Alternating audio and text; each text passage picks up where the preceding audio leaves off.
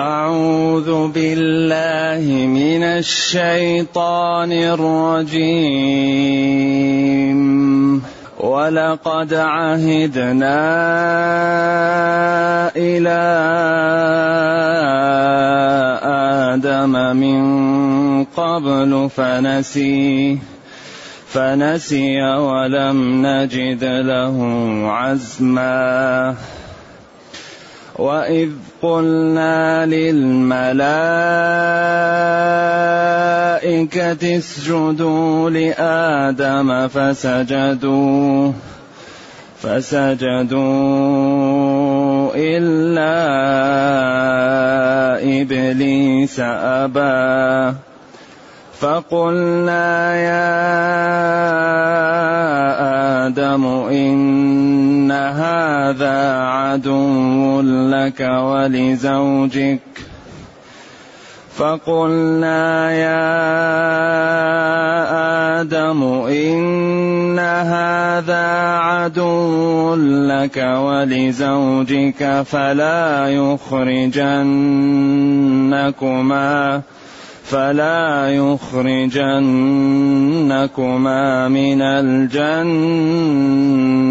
فتشقى. إن لك ألا تجوع فيها ولا تعرى وأنك لا تظمأ فيها ولا تضحى.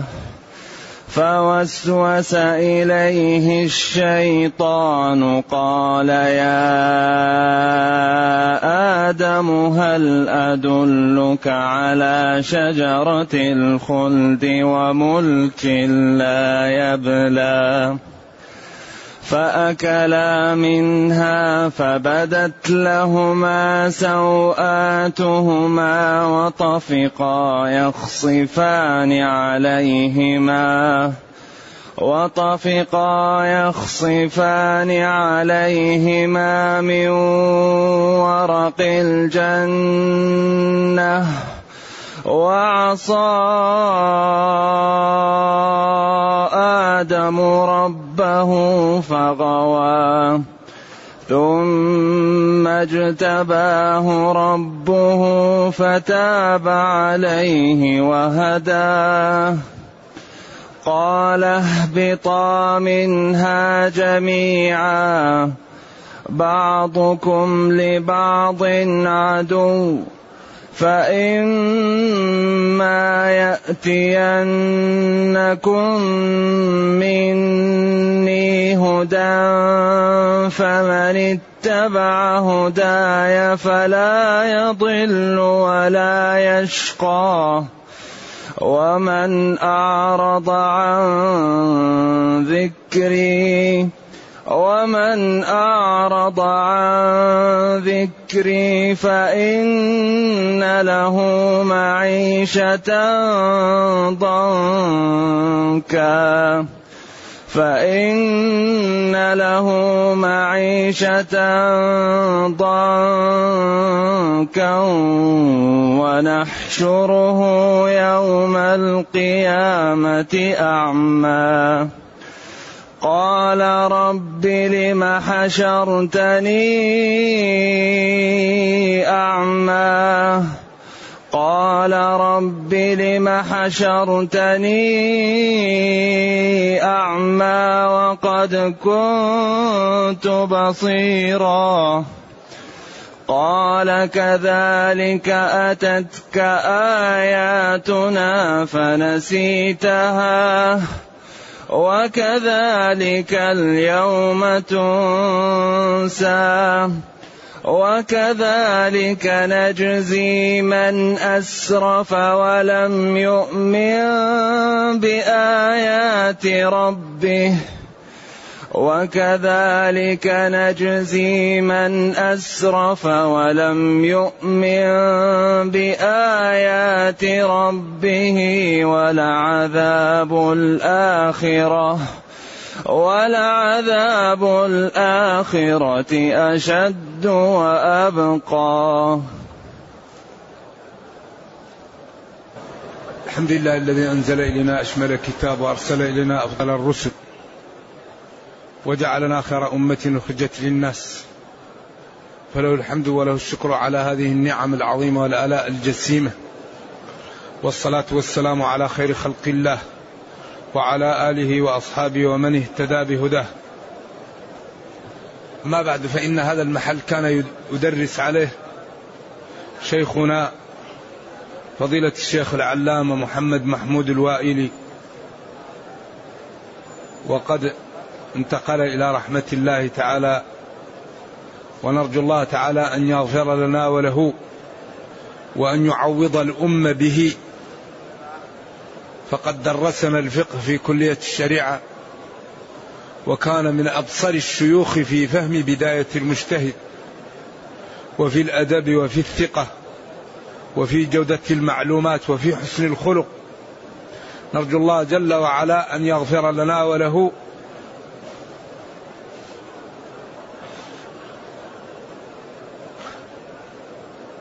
وأن يرحمنا. وأن يلحقنا وإياكم بالصالحين. و أكبر مصيبة تعيشها الأمة موت العلماء. لأن الكارثة الكبيرة أن يموت العلماء. ولكن كل من عليها فان والعلماء وغيرهم ذاهبون لكن العلماء هم الذين يبثون النور في الأرض وهم الذين يوضحون للناس الخير وهم ورثة الأنبياء وبالأخص الصالحين منهم. فنرجو الله أن يغفر لنا وله وأن يجمعنا جميعا في مستقر رحمته وأن يتوب علينا ويتجاوز عن سيئاتنا إذا لحقنا بها بأولئك وأن يجعلنا وإياكم من العلماء العاملين. يقول تعالى ولقد عهدنا إلى آدم من قبل فنسي ولم نجد له عزما. هذا الكلام معطوف على تقصير الذين سبقوا ممن ذكروا الآية اللي قبل هذا؟ قبل قبل فتعالى الله. نعم. وقد خاب من حمل ظلما. نعم. بعدين بين ولقد عهدنا إلى آدم يعني أن بني آدم من طبيعتهم الضعف وعدم التمالك وخلق الإنسان ضعيفا. كما أن هؤلاء الذين كانوا يذكروا لم يستقيموا وأخطأوا ولقد عهدنا إلى أبيهم آدم من قبل أي من قبل ذلك. فنسي على على الأقوال الموجودة في نسية ولم نجد له عزما أي تصميما وقوة على الحذر مما حذرناه منه وهو إبليس كما سيأتي. والله لقد عهدنا يعني وصينا ونبهنا آدم على أن يحذر من عدوه وأن يترك موارد العطب فنسي ما حذرناه به وسمع من إبليس فغره كما قال تعالى وقاسمهما إني لكما لمن الناصحين فدلاهما بغرور. نعم. والله لقد عهدنا وحذرنا آدم من قبل أي من قبل ذلك فنسي ما وصيناه به ولم يأخذ به ولم نجد له تصميما وعزما على ذلك. واذكر حين قلنا للملائكة الملائكة جسم خلق يخلقه الله من النور لا يأكلون ولا يشربون ويلهمون النفس ويتشكلون ولا تحكم عليهم الصور. هكذا يقال أن الملائكة خلق من خلق الله تعالى خلقهم من نور. ألهموا التسبيح والذكر كما ألهمنا نحن النفس. يسبحون الليل والنهار لا يفترون. نعم. فقلنا للملائكة لما خلقت عبدي واصطفيته آدم فقلت لهم اسجدوا له سجود تحية. اسجدوا لآدم. فسجدوا إلا إبليس. إلا إبليس امتنع من السجود. وفي بعض الروايات أبى وفي بعض الروايات استكبر وفي بعض الروايات قال أنا خير منه. وكان من الكافرين. كان في علم الله عندما خلقه أنه من أهل النار ولا بد أن يقع ما كتب الله في اللوح المحفوظ. وإلا يقال إن إبليس كان يدير سماء الدنيا وأصابه العجب وقال لن يخلق الله خلقا أفضل عليه مني. عند ذلك لما أمره بالسجود امتنع قال اخرج منها ملؤوما مدحورا. إذن واذكر حين قلنا للملائكة اسجدوا لآدم سجود تحية وسلام لا سجود عبادة. فامتثلوا وسجدوا. فسجد الملائكة كلهم أجمعون. أيوة. إلا إبليس أبى واستكبر. أبى امتنع واستكبر تكبر. وكان في علم الله تعالى في سابق الأزل من الكافرين. وقلنا أيوة إلا إبليس استكبر وكان من الكافرين.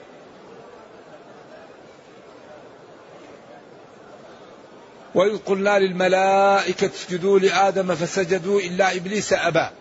هنا قال أبى امتنع. فقلنا يا آدم. أيوة. أبى فقلنا يا آدم اسكن أنت. اسكن. وقلنا يا آدم إن هذا عدو لك ولزوجك. إذا حذرنا آدم من إبليس ووضحنا له الأمر وحذرناه من موارد العطب حيث إن إبليس عدو له. أبى فقلنا يا آدم إن هذا إن عد توكيد هذا إبليس عدو لك. تقول هذان عدو وهذا عدو وهؤلاء عدو. نعم. وقد تقول أعداء أو عدوان إن هذا عدو لك أي يعاديك. ولزوجك حواء. فلعلة العداوة المتصف بها احذراه لا يغويكما فتخرج فتخرجا فيخرجانكما من الجنة. إن هذا أي إبليس عدو لك مباغض لك ويريد لك الشر ويريده لزوجك. فلعلة العداوة انتبها منه واحذراه لكي لا يخرجنكما من الجنة. فتشقى. هل هل بعد هذا من بيان؟ قلنا يا آدم. أيوة. اسكن أنت وزوجك. إن هذا إن إبليس عدو لك. ولزوجك امرأتك حواء. فاحذراه وانتبها منه. لا يخرجنكما من الجنة. لأنكما إن خرجتما من الجنة أصابكم العنت والشقاء. ولذلك أشار إلى السعادة الموجودة في الجنة التي لا توجد في غيرها. ولا يخرجنكما من الجنة فلعلة الخروج تشقيان. إن لك إن توكيد لك لآدم أن لا تجوع فيها في الجنة. ولا تعرى. لا يكون لك ثياب. وأنك لا تظمأ تعطش ولا تضحى ولا تصيبك حرارة. قالوا هذه الأربعة هي كبريات ما يحتاج الإنسان في الدنيا. فمن سدت له كل الثاني أمر سهل. إن لك أن لا تجوع فيها. وهي سكن مريح. لا يصيبك الجوع. ولا يصيبك العري ولا يصيبك العطش ولا تصيبك الحرارة.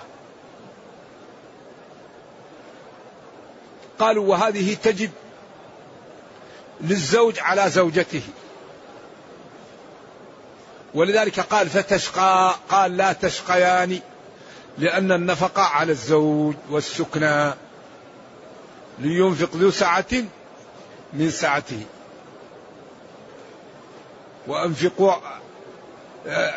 من من وجدكم إيش أول الآية؟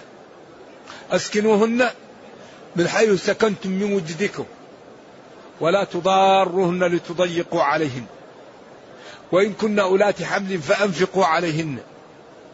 وقال وإن أردتم استبدال زوج مكان زوج وآتيتم إحداهن قنطارا فلا تأخذوا منه شيئا أتأخذونه بهتانا وإثما مبينا؟ وكيف تأخذونه؟ وقد أفضى بعضكم إلى بعض. إذا إن لك في الجنة السعادة فلك الشرب والأكل وعدم الحرارة وعدم العري فوسوس إليه الشيطان. فوسوس إليه الشيطان قال يا آدم هل أدلك على شجرة الخلد وملك لا يبلى؟ وسوس إليه الشيطان هذا الوسوسة هي قوله يا آدم هل أدلك على شجرة الخلد وملك لا يبلى؟ هل أدلك على شجرة؟ إن أكلت منها لم تمت وأصبحت ملكا إلى قيام الساعة. هل أدلك على شجرة؟ هي إن أكلت منها بقيت لا تموت. وبقي لك الملك بدون انقطاع. ثم راودهما وقال له آدم إن ربي نهاني عن هذه الشجرة. قال نهاك عن أخرى. ما نهاك عن هذه؟ تعال لوحدة أخرى. وقاسمهما. يعني حلف لهما بالله إنه لمن الناصحين. فكان آدم لا يرى أن إنسانا يحلف وهو كاذب. فاغتر بمواظبته عليه وبقسمه إنه لمن الناصحين ونسي ما حذره منه ربه ولم يكن له تصميم صلوات الله وسلامه عليه وعلى نبينا. ولم نجد له فنسي ولم نجد له. قال يا آدم هل أدلك على شجره وملك لا يبلى فأكلا منها. فلما راودهما أكلا من الشجرة. فعند ذلك يقال إن الله تعالى كان يستر حواء وآدم بثياب مثل الظفر مثل الأظفار. كان الجسم يستر بمثل الأظفار. فلم يبق منها إلا ما في الأصابع. وقيل كان يسترى بنور. وقيل كان يستر بشيء الله أعلم به. ما بين لنا النبي صلى الله عليه وسلم ولم يأتي في القرآن بيانه ولكن قال إنه كان على ستر فلما أكل من الشجرة ظهرت لهما سوآتهما ظهرت عوراتهما وطفقا بدأ وشرعا يضعان عليهما على سوآتهما من ورق الجنة يقال ورق التين وغير ذلك وعصى آدم ربه فغوى ثم اجتباه ربه فتاب عليه وهدى. هنا وقفة طويلة مع العلماء في هذا في هذه لأن هذا فيه إشكال كبير. وعصى آدم ربه فغوى. قال العلماء إنكما إن خرجتما من الجنة جاءكم العري والعطش والحر والجوع. لأن هذا موجود في الدنيا. إذا الشقاوة هي أنه كان يحرث ويزرع ويحصد وي ويش ويدق ثم يعجن ثم يخبز ثم إيش؟ بعد ذلك يض... يعني يضع في النار ثم يأكل. بعد يمكن عشرات العمليات. فلح الأرض وزرعها. ثم بعد ذلك حصدها. ثم بعد ذلك طحن. ثم بعد ذلك الخبز. ثم بعد ذلك العجن. عجن ثم خبز ثم بعد ذلك يأتي إيش؟ فهذا شقاء كبير. أما في الجنة كل شيء يأتيك. إذا لا يخرجنكم الشيطان من الجنة فتقعا في العنت وفي التعب. هذا هو الشقاء. نعم. أيوة. وعصى آدم ربه. هنا وقفة مع العلماء. الرسل. هل يعصون؟ جلة العلماء قالوا الرسل لا يعملون الكبائر ومعصومون فيما يبلغون ومعصومون في معاصي الخسائس. أما الصغائر فقد تقع من الرسل. أما الكبائر وخسائس الذنوب لا تقع منهم. نعم. وأكبر دليل وعصى آدم ربه. وعصى آدم ربه فغضب لكن هل هذا العصيان قبل الرسالة؟ أو بعد الرسالة؟ أو المعصية إذا كانت سببا في رفعة الإنسان وكثرة حسناته تكون في تكون هذه المحنة منا لما يتسبب عليها من الرفعة والطاعة والخشوع والاستكانة لله. أقوال للعلماء. لأن هذا الذي حصل من آدم تاب الله عليه وهداه ووفقه ورفعه وكم من ذنب يكون نعمة على صاحبه لأنه يسبب له توبة وبعدا عن المعاصي فيكون هذا الذنب في المستقبل سببا في الرفعة وفي العافية وفي رفع الدرجات وعسى أن تكرهوا شيئا ويجعل الله فيه خيرا كثيرا. ولذلك من كان يعمل السيئات وتاب وعمل صالحا فأولئك يبدل الله فإذا كانت السيئات كثيرة وبدلها الله له حسنات يكون هذا ربح فأولئك يبدل الله سيئاتهم حسنات وكان الله غفورا رحيما. هذه وقفة هل الرسل يعصون؟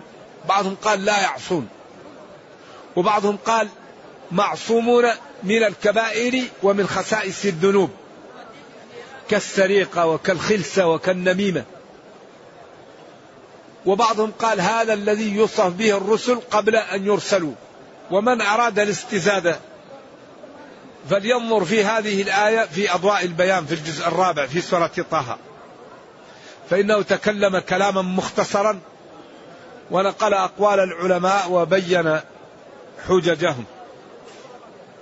وكذلك هنا هل الرسل يجتهدون أو لا يجتهدون؟ وهذا سيأتينا في السورة القادمة عند ففهمناها سليمان بحث طويل. نؤجله حتى نصل إليه إن شاء الله.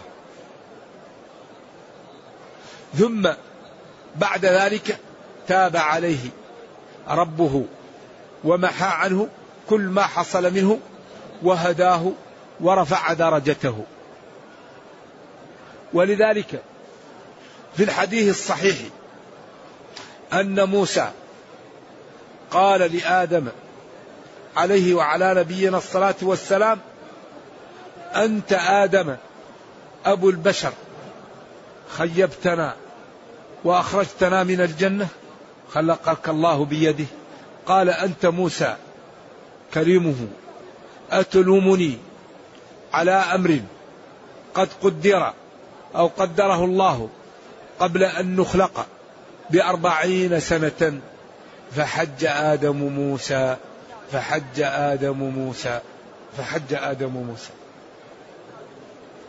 قال العلماء هنا يستدل بالقدر على المصائب التي حصلت وقد انتهى أمرها. مثلا إنسان عمل معصية وتاب منها. يقول هذا الشيء قدره الله والحمد لله. إنسان حصل في شيء وهو لا يقصده. يقول هذا شيء قدره الله. أما الإنسان يباشر الذنب ويقول هذا شيء قدره الله هذا لا يقبل منه. ولذلك لما قال السارق الذي أراد أن يقطعه عمر رضي الله عنه فقال له كيف تقطع يدي؟ والله تعالى قدر علي السرقة. فقال له عمر وكيف تعترض علينا؟ والله جل وعلا قدر علينا أن نقطع يدك. فلذلك واحد إذا ضرب واحد ويقول هذا قدره الله علي نضربه ونقول هذا قدره الله علينا. إذا لا يستدل بالمعائب بالقدر لا. لكن المصائب. شيء تاب الله منه تاب العبد منه. شيء عمل بدون قصد. ما لم يتعمده الإنسان. أما الإنسان يفعل الذنب ويستدل بالقدر نقيم عليه الحد ونستدل عليه بالقدر. إذا قتل عمدا نقتله ونقول هذا شيء قدره الله علينا كما قدره عليه ولذلك لما استدل الكفار بالقدر على الإرادة الشرعية أكذبهم الله في سورة الأنعام. وقال الذين أشركوا لو شاء الله ما أشركنا ولا آباؤنا ولا حرمنا من شيء. كذلك كذب الذين من قبلهم. كذبهم في أنهم سووا بين الإرادة الشرعية والإرادة القدرية. فقالوا ما دام الله تعالى أراده قدرا فقد أحبه. والله لا يرضى لعباده الكفر. لا يرضاه شرعا. فأكذبهم لتسويتهم بين الإرادة الشرعية والإرادة القدرية. ولذلك الإرادة الكونية لازم تقع أما الإرادة الشرعية فقد تقع وقد لا تقع. فالله تعالى طلب من أبي بكر شرعا أن يؤمن وقدرها له كونا. فحصل ذلك. وطلب قدر لأبي لهب شرعا أن يؤمن ومنعها منه كونا. ولذلك لا يقع إلا ما كتب في اللوح المحفوظ. إذا الإرادة إرادتان إرادة شرعية وإرادة كونية قدرية. فالإرادة الكونية لا يملكها إلا الله ولا بد أن تقع. والإرادة الشرعية يملكها العلماء يبينون ويملكها الرسل. ولذلك قال لنبيه وإنك لتهدي إلى صراط أي تبين وتوضح. وقال إنك لا تهدي من أحببت. وضع المعلومة في القلب من خصائص الربوبية. لا يقدر عليه إلا الله.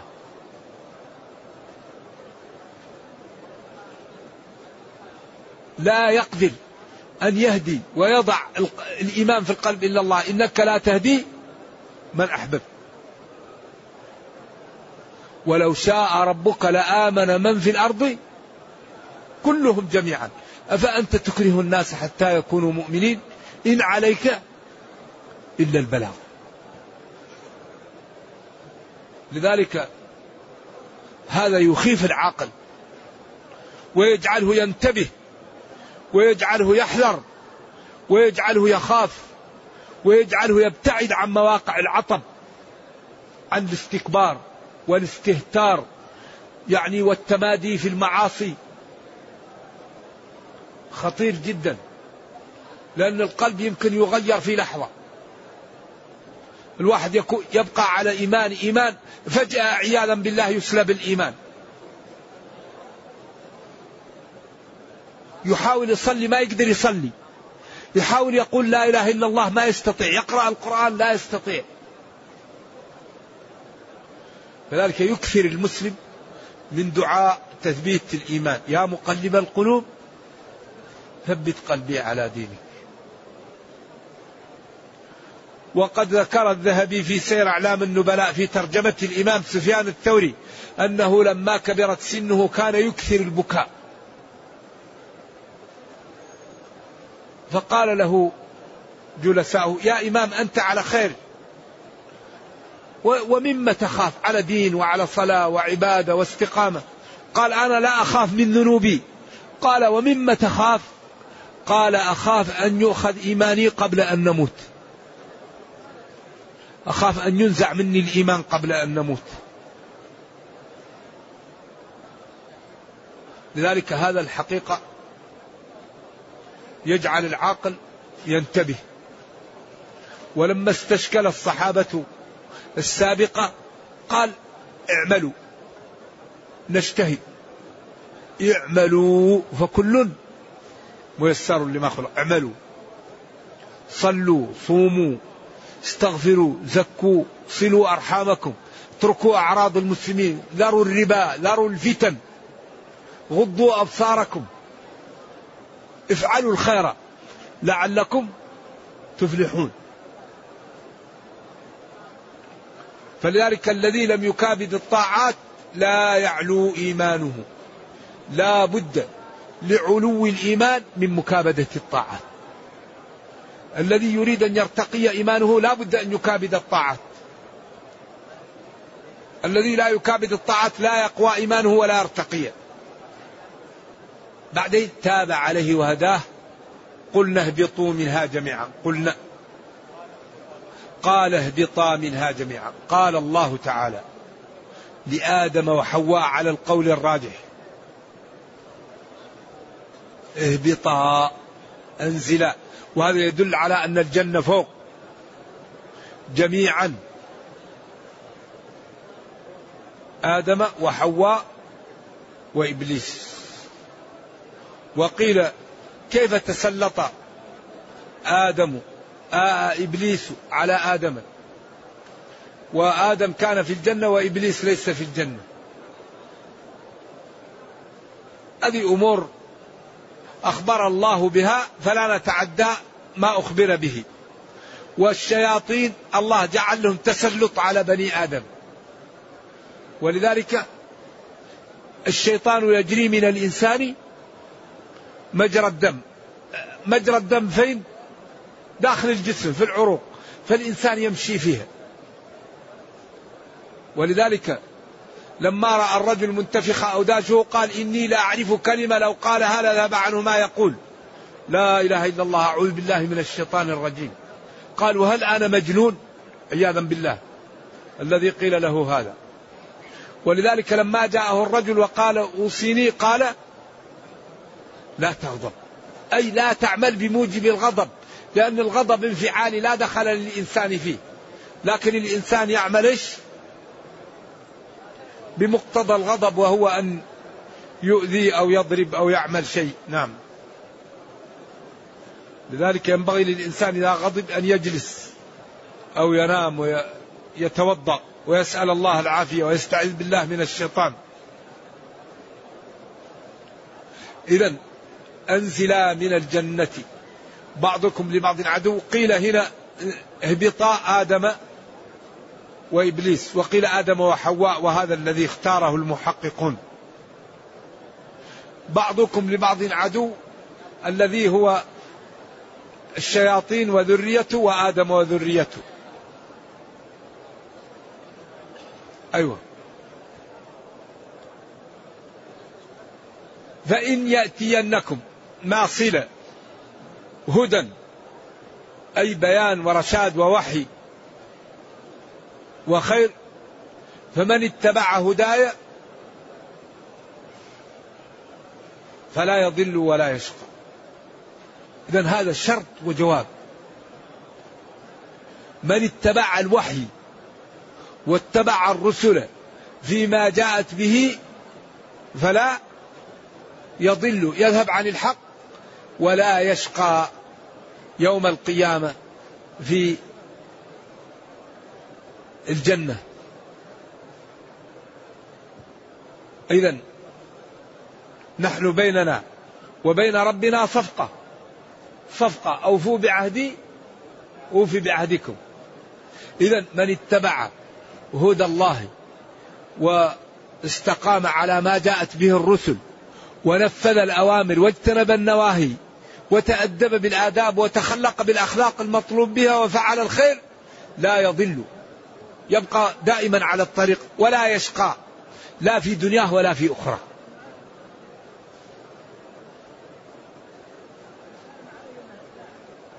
ومن أعرض ومن أعرض عن ذكري. ومن أعرض عن ذكر الله أو من أعرض عن أن يذكره الله. ذكري يمكن مضاف إلى الفاعل ويمكن مضاف إلى المفعول. وهذا من إعجاز القرآن وكثرة معانيه أي ومن أعرض هو عن ذكر الله أو من أعرض عن طاعة الله فالله تعالى تركه. نعم. إذا من لم يستقم فحياته تكون ضيقة. ويحشر يوم القيامة أعمى. والله لا يخلف الميعاد. ومن ترك دين الله وشرعه ولم يعمل به سواء كان لم يذكر الله أو لم يذكره الله أعرض. أيوة وابتعد فلم يذكره الله أو أعرض هو عن أن يذكر الله.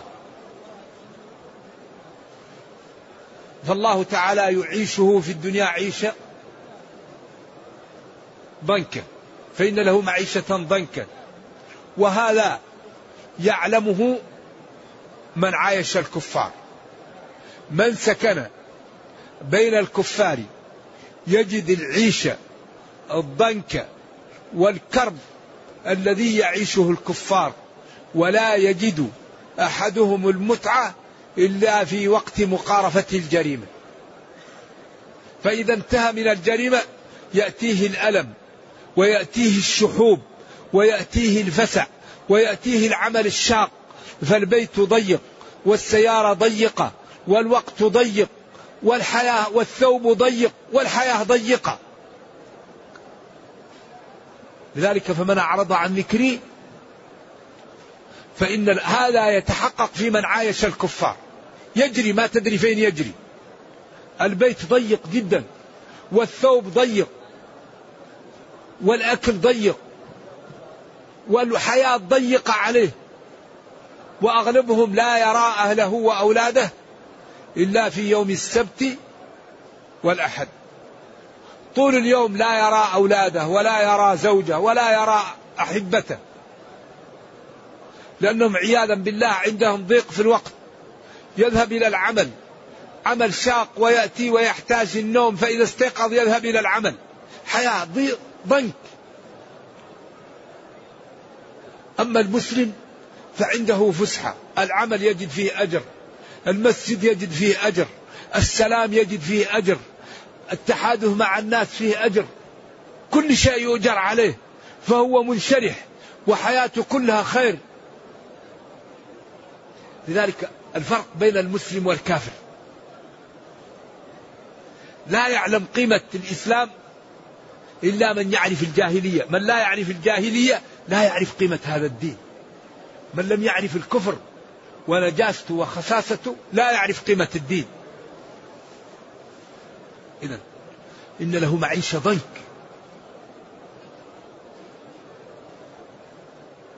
يجري. فين رايح؟ يجري.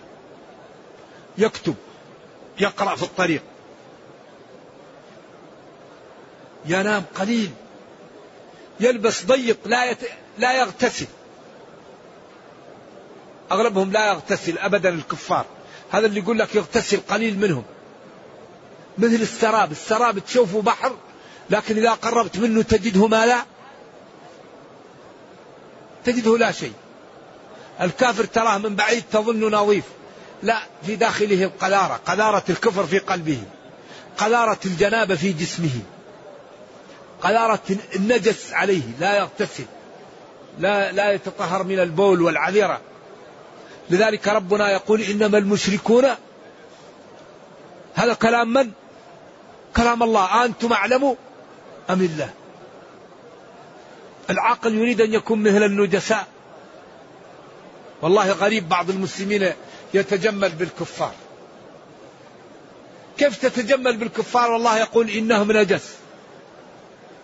ينزلها في محكم كتابه.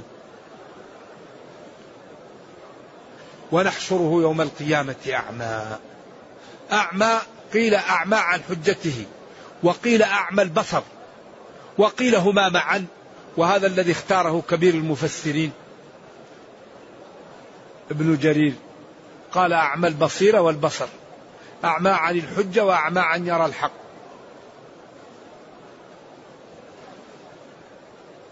قال ربي يا ربي لم حشرتني أعمى؟ لم حشرتني أعمى؟ وقد كنت في دار الدنيا بصيرا. أرى؟ قال كذلك. مثل ما جاءتك آياتنا وحججنا وبراهيننا فتركتها ولم تعمل بها نسيناك وجعلناك أعمى وكذلك اليوم تنسى. يوم القيامة. وكذلك نجزي هذا الجزاء من أسرف. لم يصلي ولم يصم ولم يبر بوالديه ولم يترك الربا ولم يترك النجش ولم يترك الغيبة ولا النميمة أسرف على نفسه. لم يكن من المصلين ولم يكن يطعم المسكين وكان يخوض مع الخائضين وكان يوم الدين حتى أتاه اليقين أسرف على نفسه. وكذلك نجزي من أسرف. يعني من أقدم على المعاصي وكان متصفا بالكفر ولم يؤمن بآيات ربه. دقة تعبير القرآن وكذلك نجزي من أسرف ولم يؤمن. لأنه إذا أسرف وآمن خلاص من قال لا إله إلا الله دخل الجنة. لذلك ربنا كريم ولا يهلك عليه إلا هالك. من قال لا إله إلا الله دخل الجنة. وإن زنى وإن سرق. وإن زنى وإن سرق. قال أبو ذر وإن زنى وإن سرق. قال وإن زنى كره قال وإن رغم. على رغم أنف أبي ذر. صار أبو ذر يقول وإن رغم أنف أبي ذر. قل يا عبادي الذين أسرفوا على أنفسهم لا تقنطوا من رحمة الله. إن الله يغفر الذنوب جميعا. إن الله يغفر الذنوب جميعا. إنه هو الغفور الرحيم. وأنيبوا إلى ربكم. إذا فلنبادر. فلنبادر قبل أن يفوت الأوان.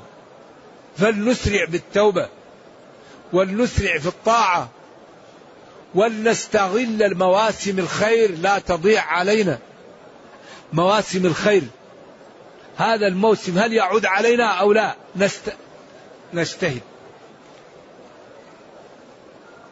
ولعذاب الآخرة أشد من عذاب الدنيا. وأدوم وأبقى لأنه لا ينقطع. والله لا عذر بعد هذا البيان. فقد وضعت النقاط على الحروف. ووضح ليهلك من هلك عن بينة. ويحيى من حي عن بينه فالبدار البدار بالتوبة والاستقامة ومعرفة صفات العبادة لتقبل. العبادة لا تقبل إلا إذا كانت على المواصفات المطلوبة. وكثير من المسلمين لا يعطي وقتا لفروض العين ليعلمها وعند ذلك يعملها خطأ أو ناقصة. فلا يكون لها أجر أو يكون أجرها ناقصا فالبدار بتعلم ما يجب علينا لنمتثله وبمعرفة ما يحرم علينا لنتجنبه لنسعد ونكون ممن قال فيه فلا يضل ولا يشقى. ولا نكون من صنف الذي أعرض عن ذكر الله ولم يبالي. هذا الدين يحتاج وقت. فروض تحتاج أن تعلم. واجبات تحتاج أن تحفظ وتفهم. محرمات يجب أن تعلم لتجتنب. والمسلم ما هو فاضل يعطي وقت لدينه. متى يعطي وقت لدينه؟ إذا مات. إذا مرض. إذا جاءته الهموم. إذا لا بد أن نتعلم ما الواجب ونمتثل. وما الحرام فنجتنب لنسعد ولنجوى أما المسلم يقول لك ما عندي وقت. عجيب. ما عندك وقت تتعلم فروض العين. العبادة لها مواصفات. هذا الصوم له مواصفات. لا بد من دخول الشهر. إذا صمت قبل الشهر لا يقبل. لا بد من النية. لأن إنما الأعمال بالنيات. لا صيام لمن لم يبيت الصيام من الليل. لا بد من ترك المفطرات من طلوع الفجر الصادق إلى غروب الشمس. والمفطرات فيها حسي ومعنوي. إذا لا بد أن نعلم المواصفات المطلوبة للعبادة حتى نأخذ أجرها كامل. أما الواحد لا يبالي صام الناس صاموا وأفطروا أفطر. ما يمشي. العبادة فيها فرض عين فيها فرض كفاية فيها فرض موسع فيها فرض مضيق فيها سنة مؤكدة فيها مندوب فيها إذا والنيات هي اللي تمايز العبادات. فلذلك إذا لم نستحضر النية قد لا نجد الأجر. ولذلك التعلم هو الذي يجعل الإنسان يأخذ الأجر الكثير على العمل القليل. وعدم التعلم هو الذي يجعل العمل الكثير أجره قليل. ينخب العمل عدم التعلم. إذا فلنجتهد. ولنشمر عن ساعد الجد وما أردناه يعطيه لنا ربنا. ما الذي نريد؟ إن أردنا جنة أعطانا وإن أردنا غنانا أغنانا وإن أردنا عزة أعزنا وإن أردنا رفعة رفعنا وإن أردنا أولادا أعطانا. إذا نطيع ربنا وما أردناه يعطيه لنا. أوفوا بعهدي. إن الله لا يخلف الميعاد. نرجو الله جل وعلا أن يرينا الحق حقا ويرزقنا اتباعه وأن يرينا الباطل باطلا ويرزقنا اجتنابه وأن لا يجعل الأمر ملتبسا علينا فنضل. اللهم ربنا آتنا في الدنيا حسنة وفي الآخرة حسنة وقنا عذاب النار. اللهم اختم بالسعادة آجالنا واقرم بالعافية غدونا وآصالنا. واجعل إلى جنتك مصيرنا ومآلنا يا أرحم الراحمين. سبحان ربك رب العزة عما يصفون وسلام على المرسلين والحمد لله رب العالمين. والسلام عليكم ورحمة الله وبركاته. هذا يقول كيف نجمع بين قوله صلى الله عليه وسلم فيها ما لا عين رأت وأن آدم كان في الجنة؟ هذا ما في تعارض. الجنة فيها ما لا عين رأت ولا أذن سمعت ولا خطر بقلب بشر. وآدم كان في الجنة وخرج منها لأن ربه حذره من أمر وفعله فأخرج من الجنة لسبب ذلك. آه نعم. وقلنا يا آدم اسكن أنت وزوجك الجنة وكلا منها رغدا حيث شئتما ولا تقربا هذه الشجرة فتكونا من الظالمين. فأزلهما الشيطان عنها فأخرجهما مما كانا فيه. فدلاهما بغرور وقاسمهما إني لكما لمن الناصحين فدلاهما بغرور ولذلك العلماء يقولون إننا نحن سبانا إبليس وأخرجنا من موطننا فنحن في سفر فينبغي أن نجتهد حتى نعود لموطننا وهو الجنة ولكننا سبي سبان العدو وهو إبليس فهل لنا أن نعود إلى أوطاننا ونسلم؟ فنحن الآن في سبي. إبليس خرجنا من الجنة. فينبغي أن نجتهد حتى نعود إلى الجنة. ولذلك قال فبعزتك لأغوينهم. وقال فلآتينهم من بين أيديهم ومن خلفهم وعن أيمانهم وعن شمائلهم ولا تجد أكثرهم شاكرين. ولقد صدق عليهم إبليس ظنه.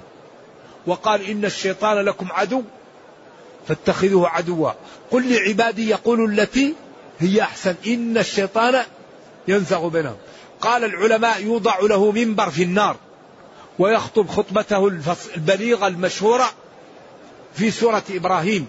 وقال الشيطان لما قضي الأمر إن الله وعدكم وعد الحق ووعدتكم فأخلفتكم. كل واحد نقول له تعال بشهوة أو بشبهة أو بهما معا. ووعدتكم فأخلفتكم. كذبت عليكم وما كان لي عليكم من سلطان. ما كانت لي قوة ولا ولكن كل واحد نقول له تعال. ولكن دعوتكم فاستجبتم لي. فلا تلوموني ولوموا أنفسكم. ما أنا بمصرخكم وما أنتم بمصرخي. بالله عليكم هل بعد هذا نحتاج إلى بيان؟ والله لا عذر لنا. النجاة النجاة لا عذر بعد هذا الكتاب. وأوحي إلي هذا القرآن لأنذركم به ومن بلغ. تبيانا لكل شيء. ما فرطنا في الكتاب من شيء. فأجره حتى يسمع كلام الله. خلاص يكفي. لا عذر بعد هذا الكتاب. فالنجاة النجاة. الفوز الفوز. الحذر الحذر. يقول ما الحكم إذا كان في الإحرام شيء من الطيب؟ هذا محل خلاف بين العلماء. كنت أطيبه لإحرامه ولحله. عائشة. وكان يرى في مفرقه أثار الطيب المسك. فبعض العلماء قال يتطيب ويلبس إحراماته وإذا بقي في أثار الطيب لا شيء عليه. ومالك وبعض العلماء قالوا يتطيب ويغتسل. أيوة. فإن تطيب واغتسل بعد ذلك إذا بقي شيء لا يضر لكن بعد الاغتسال. وكلهم له أدلة فهذا صاحب الذي رأى الرجل متضمخ بالطيب قال له خذ الجبة وافسخها واغتسل ثم افعل ما ما تفعله في عمرتك أو في حجتك.